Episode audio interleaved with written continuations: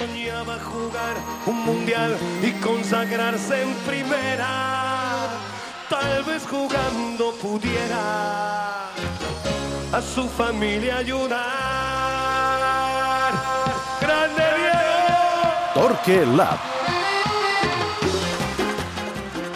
Analitzat del dret i del revés aquest Barça-Girona d'ahir, ens falta estirar un fil que va quedar del sempre interessant tercer temps de, de la TDT i amb un home sempre mesurat fins i tot en moments en què la visceralitat ens pot a, a tots plegats. Ricard Torquemada, bona tarda. Bona tarda. Ahir explicàvem, debatíem, eh, ens preguntàvem com pot ser que amb quatre mesos de diferència entre l'arribada de l'un i l'altre a la banqueta, Michel va arribar a Girona un 9 de juliol i Xavi un 9 de novembre, el projecte del Girona sem- sembli tan, tan, tan fet, tan en el punt de cocció, i en canvi el del Barça, vaja, com sí, diu el mateix entrenador, està, està en obres. Això és així, i si és així, eh, té alguna explicació evident? Jo crec que hi ha mol, molts factors, però jo també hi pensava avui, perquè va, va aparèixer aquest fil eh, en la conversa que vam tenir a l'efecte Costa, però eh, jo, jo la primera conclusió que trec és que el procés del Girona de Mitchell és el procés natural. O sigui, quan ahir Xavi diu és que és un equip que està en construcció, no, no, no té els signes eh, vitals d'un equip en construcció. Un equip en construcció s'encalla i creix a poc a poc i creix molt a poc a poc i de tant en tant s'encalla. Aquest equip no, aquest equip toca pics amunt i de cop i volta cau. Mm. Però és que va passar des de la primera temporada, aquell 0-4 al Bernabéu, mm. i recordeu, des de Frankfurt, des del partit de l'Eintracht cap endavant, l'equip va caure en picat. Eh, I, en canvi, la, la primera conclusió que trec és que el Girona de Mitchell ha fet el procés normal en qualsevol equip que hem vist eh, començar malament i, i créixer. No? Eh, nosaltres tenim les referències doncs, del Barça de Rijkaard, per exemple, no? perquè el Barça de Guardiola sí que va ser una explosió. No? Eh, el Girona de Mitchell arriba cap a aquestes dates, primera temporada, gairebé en zona de descens, bé, va, va caure a zona de descens, eh, però amb una sensació que s'estava construint alguna cosa i que els resultats no acompanyaven. Sempre hi ha la incertesa que què fas amb aquesta situació, fins quan esperes, no? Eh, la, la segona part d'aquella primera temporada va cap amunt, però no fa un pet, és a dir, eh, aconsegueix l'ascens patint i amb, alguna, amb algun pas endavant, pas enrere, o sigui, un camí molt lent.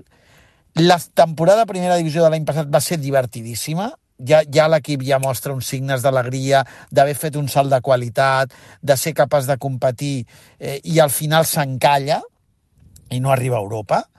I aquesta temporada fa el segon esglaó i això va cap amunt, que veurem eh, on s'atura. Però jo entenc que en un procés de construcció això és normal i has de tenir paciència. Ja sabeu que jo sóc molt pacient amb, amb sí, els sí. projectes i amb la vida. Però clar, el Barça de Xavi en canvi ha tingut pics alts i ha caigut. Pics alts i ha caigut. Jo no sé si això forma part d'un procés normal de creixement. Eh, aquí tinc eh, alguns dubtes. I aquí és on entro a trobar matisos en un projecte ordenat i en un projecte desordenat. Eh, en un projecte que té una continuïtat respecte al passat, perquè el director esportiu és el mateix el club està treballant i pedalant cap endavant des de fa, diríem, anys, i un projecte que té una herència que s'ha d'intentar regirar ràpid. És a dir, un equip que té urgències, que és el Barça, i un equip que té una continuïtat natural, que és el Girona, des de l'ascens amb Machín, eh, i després el, el descens amb Eusebio i la lluita per tornar a recuperar la categoria. O sigui, la sensació és que el Girona transita amb més o menys normalitat respecte a la seva obra, no? Ara ha fet, els, ha, fet, ara ha fet una explosió sobrevinguda.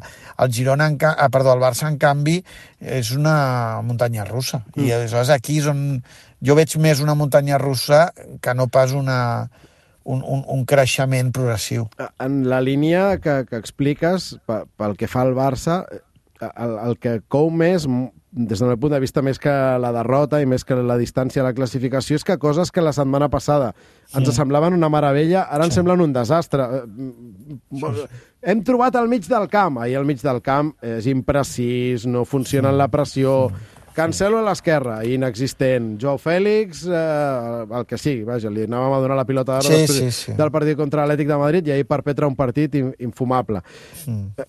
Això és el que sembla inquietant i, i, Sí. i en la línia de que, del que deies tu, que, que els projectes en construcció segueixen una línia, aquí no, no es veu. No sé si I en tu... una setmana, no? I Clar, en clar. una setmana neta de competició que dius, bé, eh, has, has fet el més difícil després d'un mes, d'un novembre eh, pèssim, que és aixecar el cap i, i, i, no, i no et dura ni, un, ni bé 30 minuts, que jo crec que ahir els primers 30 minuts del Barça, jo crec que són uns 30 minuts amb un control relatiu que passiga molt el Girona, que l'enfonsa molt, eh, no fa tot bé i el Girona et penalitza, però jo crec que sí. Després ja són, són en- competitius. Sí, entrem a una desesperació després, no? El partit es trenca, i el Barça no té, ja, ja va remolc, i es desespera, i es perd l'ordre.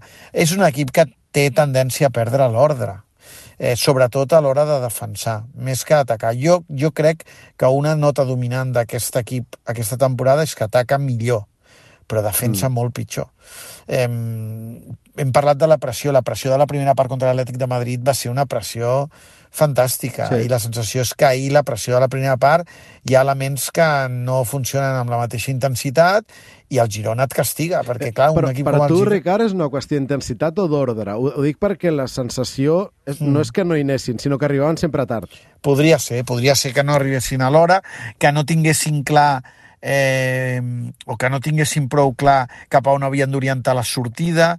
Eh, o sigui, jo, jo amb el Barça ahir em quedo amb, amb que és un partit que el rival t'exigeix molta lletra petita i que tu no la llegeixes, la lletra tan petita. O sigui, n- Coi, no, doncs no, no hi arribes. ulleres, perquè...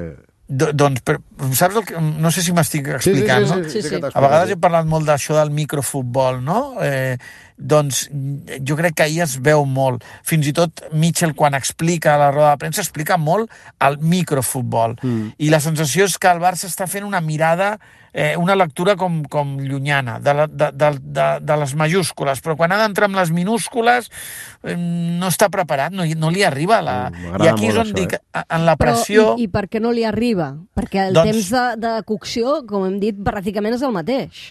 Doncs, pro, doncs potser perquè també vaig dir ahir, i clar, jo, eh, clar, anem traient conclusions, però jo la sensació és que Xavi té molt clar el que vol. El que jo no sé veure quan veig l'equip eh, és, és si està fent el, el correcte per arribar a un vol. Jo no ho veig, jo no, jo no tinc una mirada tan profunda ni tan, ni tan qualitativa, ni sobretot no sabria mai, perquè no és la meva professió, marcar el camí per arribar al lloc. No? Per, per nosaltres és, és eh, més eh, assequible, entre cometes, i, i, i ens equivoquem molt i a vegades no tenim, eh, diríem, prou, eh, mm, prou a valor i ni anàlisi per fer-ho detalladament, fer un diagnòstic de la situació, encara que sigui per una qüestió d'experiència, de bagatge, no? de, de, del que ens han ensenyat ells. Nosaltres hem après del que ens han ensenyat ells, mirar el futbol amb els seus ulls. No? Aleshores, aquest punt de diagnòstic el tenim, però jo no sabria com arribar allà que és, el que, que és el que jo crec que fa molt bé el Girona, en general al club, i que és el que jo veig que al Barça li costa. Li costa trobar, construir ponts per arribar a, allà a l'horitzó que, que vol.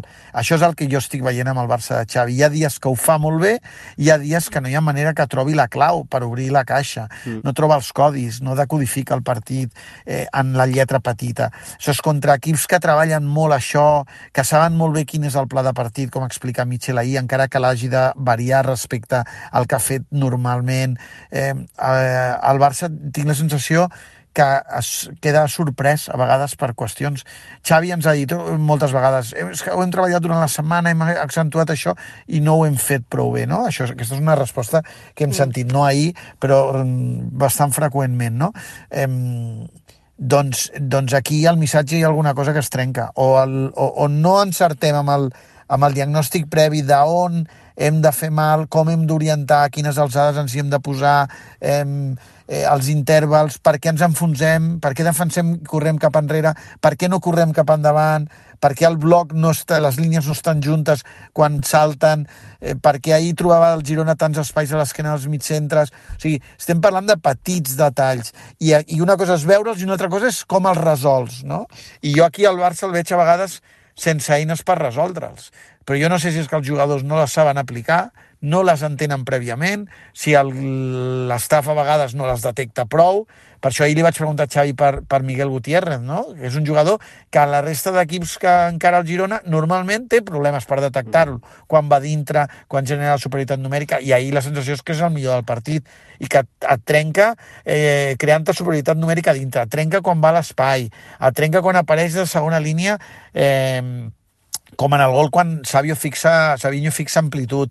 Eh, bé, aquestes petites, aquests petits detalls jo crec que el Barça no és prou madur encara i, i, jo tinc la sensació que explica algunes de les disfuncions o algunes de les sensacions de, de, de sentir-se superats en algun moment, com ara parlàvem de la, de la pressió. Quan dic el tema de la intensitat és perquè a vegades la intensitat resol aquests problemes de context col·lectiu i jo crec que hi ha alguna jugada com la d'ahir de Couto del gol o la conducció de Miguel Gutiérrez que ha d'haver-hi algú que sí. per intensitat diríem que suturi el, el forat que pel context col·lectiu es crea, no? Sí, sí, la, la jugada del primer gol sobretot eh, és de jutjat de, de guàrdia. Uh, Ricard, has esmentat uh, la lletra petita i Miguel, i, i aquí va l'última pregunta. Mm no és el primer equip que no pot llegir ni pot detectar Miguel.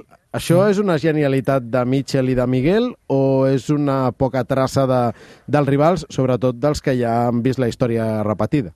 Bé, mm, jo crec que hi ha dues parts, no? Perquè quan un entrenador reconeix, com va fer Arrasate, que no havien pogut mm. detectar bé a Miguel, i el, ho reconeixia, volia dir que Arrasate havia pres precaucions, que sabia que era un punt capital del Girona i que en el partit no l'havien detectat i no havien entès quan anava dintre, quan sortia...